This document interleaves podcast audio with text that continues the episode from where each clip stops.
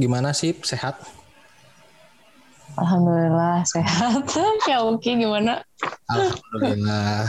Hari ini Podski kedatangan narasumber terpercaya, bukan terpercaya tuh. Lah enggak lah. Itu alumni dari UPI Universitas Pendidikan Indonesia. Nah, kali ini gimana sih mau ngapain sekarang teh? Katanya mau bahas gimana cara masuk UPI. Gak katanya memang benar.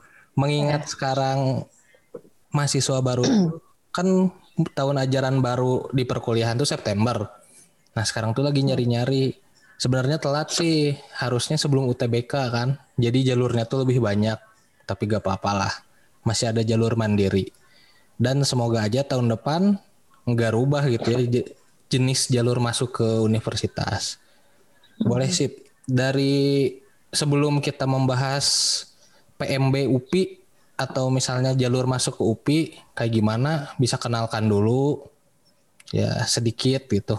Siapa sih Siva tuh kan nggak tahu. Kan mahasiswa UPI jurusan apa gitu kan. Ya. Memperkenalkan diri. Oke, uh, kenalin nama aku Shiva. Uh, lulus dari Pendidikan Kimia UPI, eh S1 Pendidikan Kimia UPI tahun 2019. Gitu. Jadi aku tuh teman SMA-nya Syauki.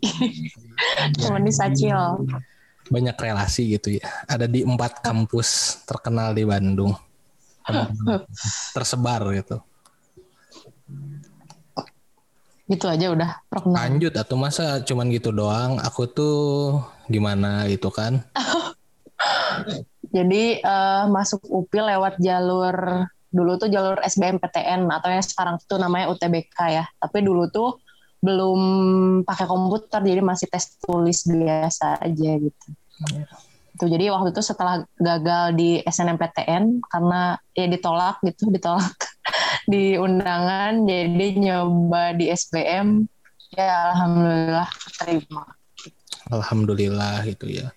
Jadi mungkin kurang lebih SBMPTN tuh kan kata si Pak tadi sama ya kayak UTBK yang sekarang. Cuman dulu mah cuman sekali hari H testing langsung pulang dua hari lah kalau IPC nah kalau UTBK kurang tahu juga kan sekarang gimana.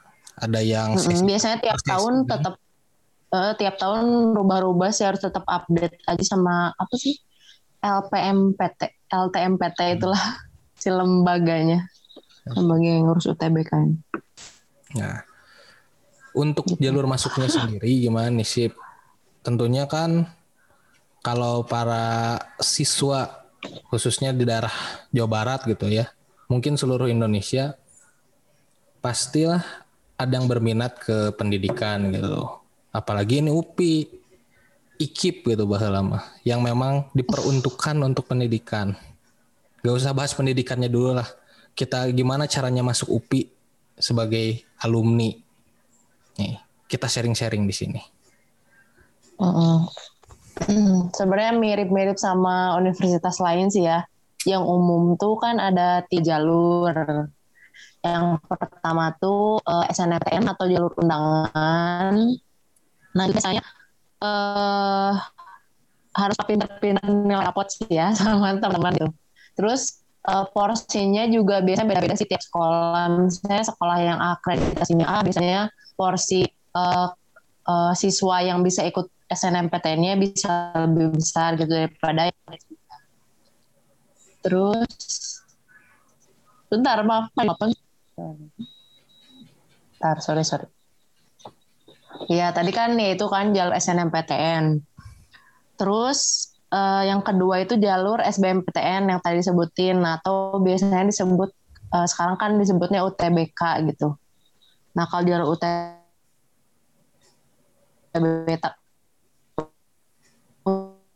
UTS sama ada TPA ya TPA-nya itu ada TPA Saintek sama Soshum gitu. Terus yang ketiga ada jalur mandiri. Nah jalur mandiri ini jadi kita daftar langsung sendiri ke UPI-nya gitu atau ke universitas yang kita pengennya gitu. Kalau mandiri tuh kalau kemarin sih kemarin sih info terakhir biasanya ngambil dari nilai UTBK gitu. Jadi mending kita uh, saya mau maupun mau ikut mandiri atau enggak ya ikut dulu aja UTBK nanti bisa langsung ikut mandirinya gitu. Hmm, jadi jadi seleksi mandiri itu dari dari skor UTBK biasanya. Iya. Ya biar cepat juga sih kayaknya. Hmm, jadi mungkin kalau jalur mandiri nggak ada atau nggak apa ya bukan nggak ada. Jadi sedikit kemungkinan untuk ngadain tes lagi UPI gitu kan.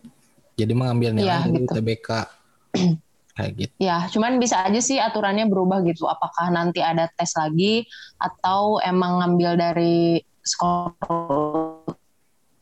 hmm. gitu. Apakah nih ini mah mungkin apa ya uh, tebak-tebakan kita nih di corona kayak gini apakah jalur eh buka jalur penerimaannya beda atau sama nih kata si Pak?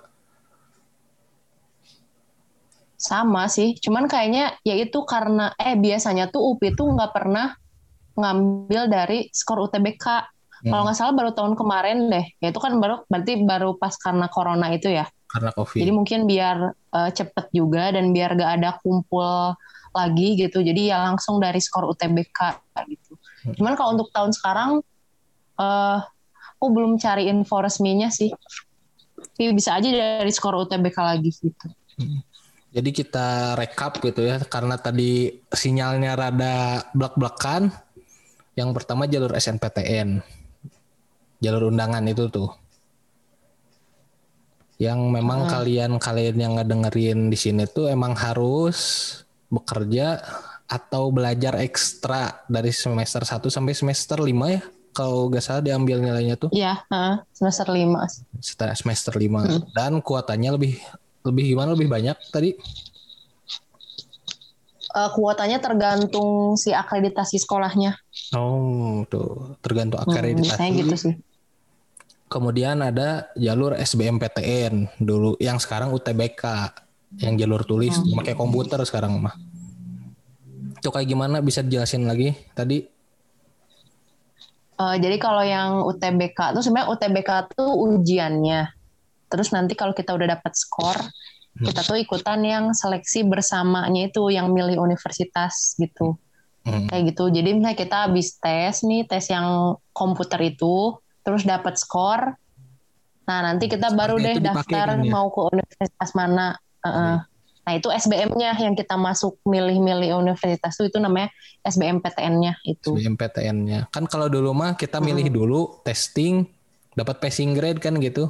Uh, langsung pengumuman gitu kan. pengumuman. kan. Kalau sekarang mah ya ada du ada dua gitu prosesnya. Jadi yang pertama UTBK-nya, tes tulisnya, terus pas udah dapat skor, terus kita ikutan SBMPTN-nya buat milih mau ke PTN mana gitu.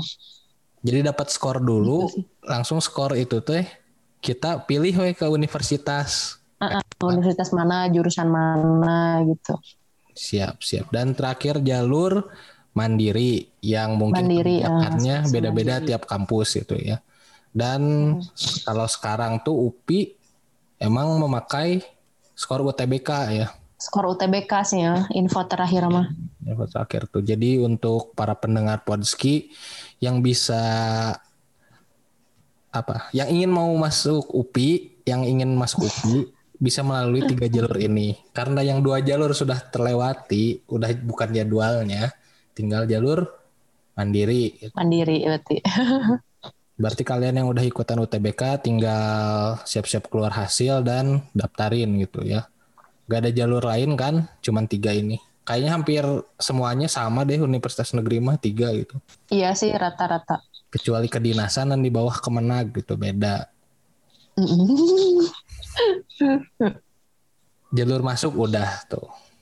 Gerbang menuju Universitas Pendidikan Indonesia tuh tadi udah dijelasin. Sekarang gimana sih? Putar ininya lah kehidupan di UPI gitu. Mau ngekos, dan juga belajarnya ya di fakultas SIPA aja gitu kan nggak usah dia fakultas lain karena beda gitu kultur belajar mm -hmm. bisa dijelaskan Mungkin berarti ini mah uh, spesifiknya di pendidikan ya pendidikan kimia gitu ya di jurusan ya. aku gitu sebenarnya berarti uh, sebenarnya di umum di fakultasnya itu kalau FPMIPA tuh menurut aku tuh uh, agamis banget gitu ya. Jadi mungkin bisa dibandingin ya sama fakultas-fakultas lain di FPMIPA tuh uh, cewek-cewek tuh kerudungnya suka panjang-panjang gitu loh. Jadi kayak agamis gitu kelihatannya. Terus uh, ya itu agamis sebenarnya UPI-nya juga sih karena kan juga ada di UPI itu ada uh, mata kuliah tutorial, terus ada SPAI juga, pokoknya agamis banget lah gitu. Terus uh, kalau di pendidikan kimia sih kalau semester-semester awal udah pasti masih mata kuliah yang umum gitu ya kayak masih ada fisika, masih ada biologi gitu. Terus masih ada bahasa Indonesia, PKN yang kayak gitu, mata kuliah umum. Terus uh, semester tingkat 2, tingkat 3 tuh udah mulai sebenarnya pendalaman kimianya dulu nih sebelum si pendidikannya itu. Jadi pendalaman kimianya uh, kayak kimia fisika, kimia organik yang kayak gitu. Terus uh, di, mulai tingkat 3, tingkat tingkat 4 baru aja uh, ilmu pendidikannya juga ditambahin. Malah di semester di tingkat 3 tuh ada ada seminar ngajar juga kayak latihan micro teaching kayak gitu-gitu. Jadi lebih duluan si konten kimianya dulu yang dipelajari baru si ilmu pendidikannya gitu. Oke. Mengenai itu sih dari ya dari materi dari konten kuliahnya gitu. Dari gimana isi belajarnya tuh tadi dijelaskan kan. Kalau di pendidikan itu ada tutor. Tutor tuh juga PAI gitu sih. Gimana? Tutorial. Iya sih, jadi misalnya semester 1 apa semester 2 gitu ya. Jadi ada mata kuliah PAI. Jadi PAI di kelas biasa sama ada tutorialnya. Nah, tutorial tuh kita semua dikumpulin di Masjid Al Furqon. Gak semua sih kayak di shift gitu. Dikumpulin di Masjid Al Furqon hari Sabtu atau hari Minggu. Terus ya dengar kuliah umum gitu. Sama ada ngajinya juga. Kayak gitu sih. Kalau semester satu semester dua. Tentunya sesuai, gitu. sesuai dengan tutorial. lah ya sesuai dengan negara gitulah ya. Ya Tuhan yang Maha Esa jadi jelas ya kalau ke pendidikan tuh biasanya diperdalam dulu isinya konten kalau misalnya kimia, kimianya dulu dipelajari baru ke pendidikannya. Juga sama mungkin hmm. jurusan hmm. lain juga ya kayak pendidikan olahraga, olahraganya diperdalam, setelah itu belajar tentang kependidikannya. Sih kalau misalnya kehidupan kampusnya itu maksudnya kehidupan kampus kan tadi kehidupan kelas gitu. Ini mah di luar gitu. Oh, ternyata di UPI biaya hidupnya mahal, ada deket Lembang, tiap Budi itu kan. Nah itu tuh kan beda ya tiap ada kultur kampus masing-masing. Kalau di Unpad gimana, di UIN gimana, ITB gimana. Nah di UPI nih, karena kebetulan Siva juga lama di UPI? Empat tahun sih? Lima tahun? Empat tahun, empat lah. Alhamdulillah. Alhamdulillah. kalau kehidupannya sih kayaknya kalau di UPI masih menengah-menengah aja ya. Jadi kalau jajan juga lah masih banyak lah kalau makan lima belas ribu juga udah kenyang lah. Malah ada yang kurang dari itu juga gitu. Terus kalau nyari kosan juga sebenarnya pinter-pinter kita nyari sih ya kosan mah jadi suka ada yang emang udah ada kamar mandi dalam terus ya udah aman kayak gitu. Jadi masih menengah sih. Menengah. Ya menengah gitu. Recommended di mana nih? Di kosan tuh kan. Apakah kalau recommended mah ya, di Gerlong lah. Gerlong kalau di Gerlong tuh enak soalnya segala ada. Itu di jalanan Gerlongnya. Mau saya mau nyetak foto mau apa mau beli apa pun kayaknya ada deh di Gerlong Yeah. Pasar juga dekat. Pasar Gelong juga. Pol Tapi sebenarnya banyak pilihan sih. Uh, kalau kosan bisa di Gerlong, bisa di Cilimus, bisa gimana lagi ya? Oh di Geger Arum, pokoknya banyak deh. Ya kalau eksplor sih bisa dapet yang emang cocok, terus ya emang sesuai sama kantong kita gitu sih harganya. Jadi gitu. kosan juga kadang emang gini, ada yang kosan tuh emang dekat cuman nggak cocok. Orang-orangnya tuh ada yang mungkin nggak cocok fasilitas ada yang nggak cocok teman kosan kan. Nah jadi pinter-pinter lah. Apalagi UPI ini kan mainnya tuh farmhouse. Apa? Terus daerah-daerah Lembang lah gitu yang memang buat wisata beda kayak UIN gitu Tapi enggak kalau banyak tugas mah nggak akan bisa main. beda kayak UIN yang jauh dari spot-spot wisata juga Unpad yang di Jatinangor jauh paling kajatos gitu kan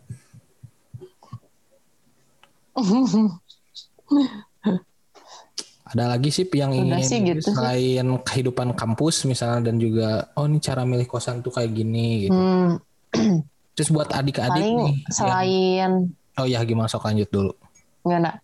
Paling kalau eh, selain kuliah sih kan misalnya bi- bisa milih UKM juga kan. UKM DUP itu banyak banget. Apalagi yang olahraga ya, karena kan ada fakultas olahraga. Jadi kayaknya semua cabang olahraga ada UKM-nya deh di UB. Tapi kebetulan sih waktu itu nggak ikut UKM ya. Aku cuman ikutan himpunan aja, himpunan mahasiswa. Jadi ya kuliah tuh nggak cuman kuliah, tapi ya ada rapat-rapatnya lah dikit gitu ya. ya lumayan eh, apa ya? Lumayan ngurangin stres dari tugas-tugas yang banyak ya. Apalagi kan kalau kimia ada praktikumnya ya, ada laporan praktikum, ada bikin jurnal, kayak gitu-gitulah. Jadi ya himpunan teh cukup jadi hiburan gitu.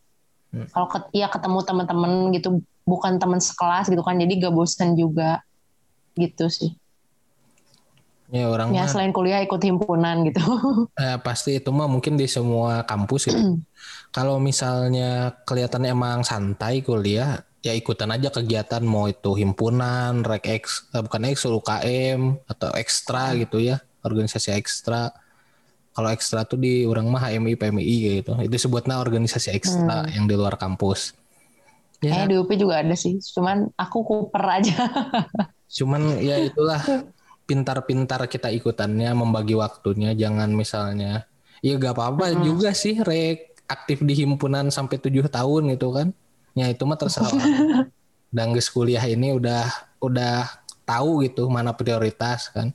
Bisa jadi kan dia tuh kuliah orang di pendidikan kimia tapi orang terlalu apa terlalu sibuk di organisasi. Mungkin bukan jadi guru keluarnya jadi organisatoris atau aktif di Farpol bisa. Kayak gitulah Mm. Hmm, ya sih dari ada beberapa video orang teh nggak tahu didengerinnya nggak tahu dilihat nggak tahu henteu ku batur teh. Jadi emang kalau misalnya kita kuliah terus masih istilahnya mah bantuan orang tua uangnya ya manfaatkan uang orang tua itu sampai lulus benar gitu kan hari beda lagi kalau misalnya kuliah mereka uang sendiri menyesok we kumaha kamu gitu kan. Rek tujuh tahun dah uang uang sendiri menurut apa gitu itu mungkin ada yang beda pendapat juga gak apa-apa sih. Kayak gitu sih. Terus ini perihal memilih jurusan nih. Dari Sipa sendiri gimana? Untuk adik-adik yang memang ingin masuk kuliah gitu kan perihal memilih jurusan kan banyak nih di SMA yang Kimia pas SMA karena yang enggak yang emang dulu tuh bentar nih. ke bawah-bawah Mm-mm. ah, orang mau ke sini Jadi kan belum aja gini bentar, bentar. Ini kayaknya sinyalnya jelek deh. eh ya sinyal jelek ulangi lagi nih kurang ulangi lagi nih ulangi lagi Sok sok. Ntar di cut ya. ntar diedit jadi gini sih untuk adik-adik yang ngedengerin podcast ini perihal memilih jurusan kan banyak yang belum tahu gitu udah kelas 3 termasuk orang ya belum tahu gitu kan kan kuliah mau ke mana? gitu. Nah tipsnya tuh gimana sih? Apakah kita masuk ini tuh karena memang passion karena memang aku pingin ke sini atau karena ikut-ikutan doang? Nah demi meminimalisir bukan kesalahan atau ketidaktepatan kita masuk jurusan itu kumaha menurut si Pak Eh, sebenarnya pertama tuh cari dulu yang disuka, sukanya apa gitu ya. Terus misalnya udah dapet nih, saya eh, sukanya nih kimia, ya udah coba ke pendidikan kimia. Terus Atau sukanya eh, sukanya ngajar nih, ya udah milihnya berarti yang pendidikan kimia. Tapi kalau misalnya emang masih belum dapet jurusan yang tepat, menurut aku sih kalau misalnya emang kitanya punya niat buat belajar gitu ya, ya udah pilih aja jurusannya yang uh, paling disuka gitu. Nah, terus ya jangan lupa inget-inget terus nih pas di perjalanan, pas misalnya susah nih, misalnya ada matkul yang susah atau harus gimana, ya inget inget aja dulu perjuangannya gimana masuk jurusan ini. Terus uh, misalnya ada istilah nih salah jurusan gitu ya. Sebenarnya menurut aku nggak ada sih salah jurusan, nah, karena kan kita betul, kuliah tuh ya belajar gitu ya. Jadi ya niatkan aja belajar menuntut ilmu buat ibadah gitu ya. Uh, urusan nanti misalnya apakah sesuai misalnya sejalur pekerjaan sama jurusannya ataukah enggak gitu ya walaupun enggak juga pasti adalah ilmu yang kepake pasti ada gitu gitu mah karena ya kuliah tuh bukan cuman uh, ilmu kita belajar si kontennya aja misalnya aku belajarnya kimianya aja enggak gitu tapi ya belajar juga ke pengembangan dirinya terus ke ya banyak lah jadi kitanya diri kitanya juga jadi lebih baik gitu di perkuliahan teh nggak cuma dari materinya aja gitu. Jadinya jadi apa sih lebih menerima keadaan gitu ya, berdamai dengan diri itu tidak menyalahkan keadaan. iya sih. Iya pokoknya meratapi ya banyak self grow-nya gitulah. Hmm. Kalau di kuliahan. Ketika kita menemukan sesuatu yang sulit di perkuliahan, ingat gimana kita berjuangnya masuk jurusan ini. Dan ingat juga betapa orang tua teh minjem duit, berhutang menguliahkan kita. Hey, itu kan. Hmm, kayak gitu lah. Ini konten bagus sih sebenarnya, cuman viewersnya pasti mual banyak. Tiga orang. Iya sih gitu sih intinya.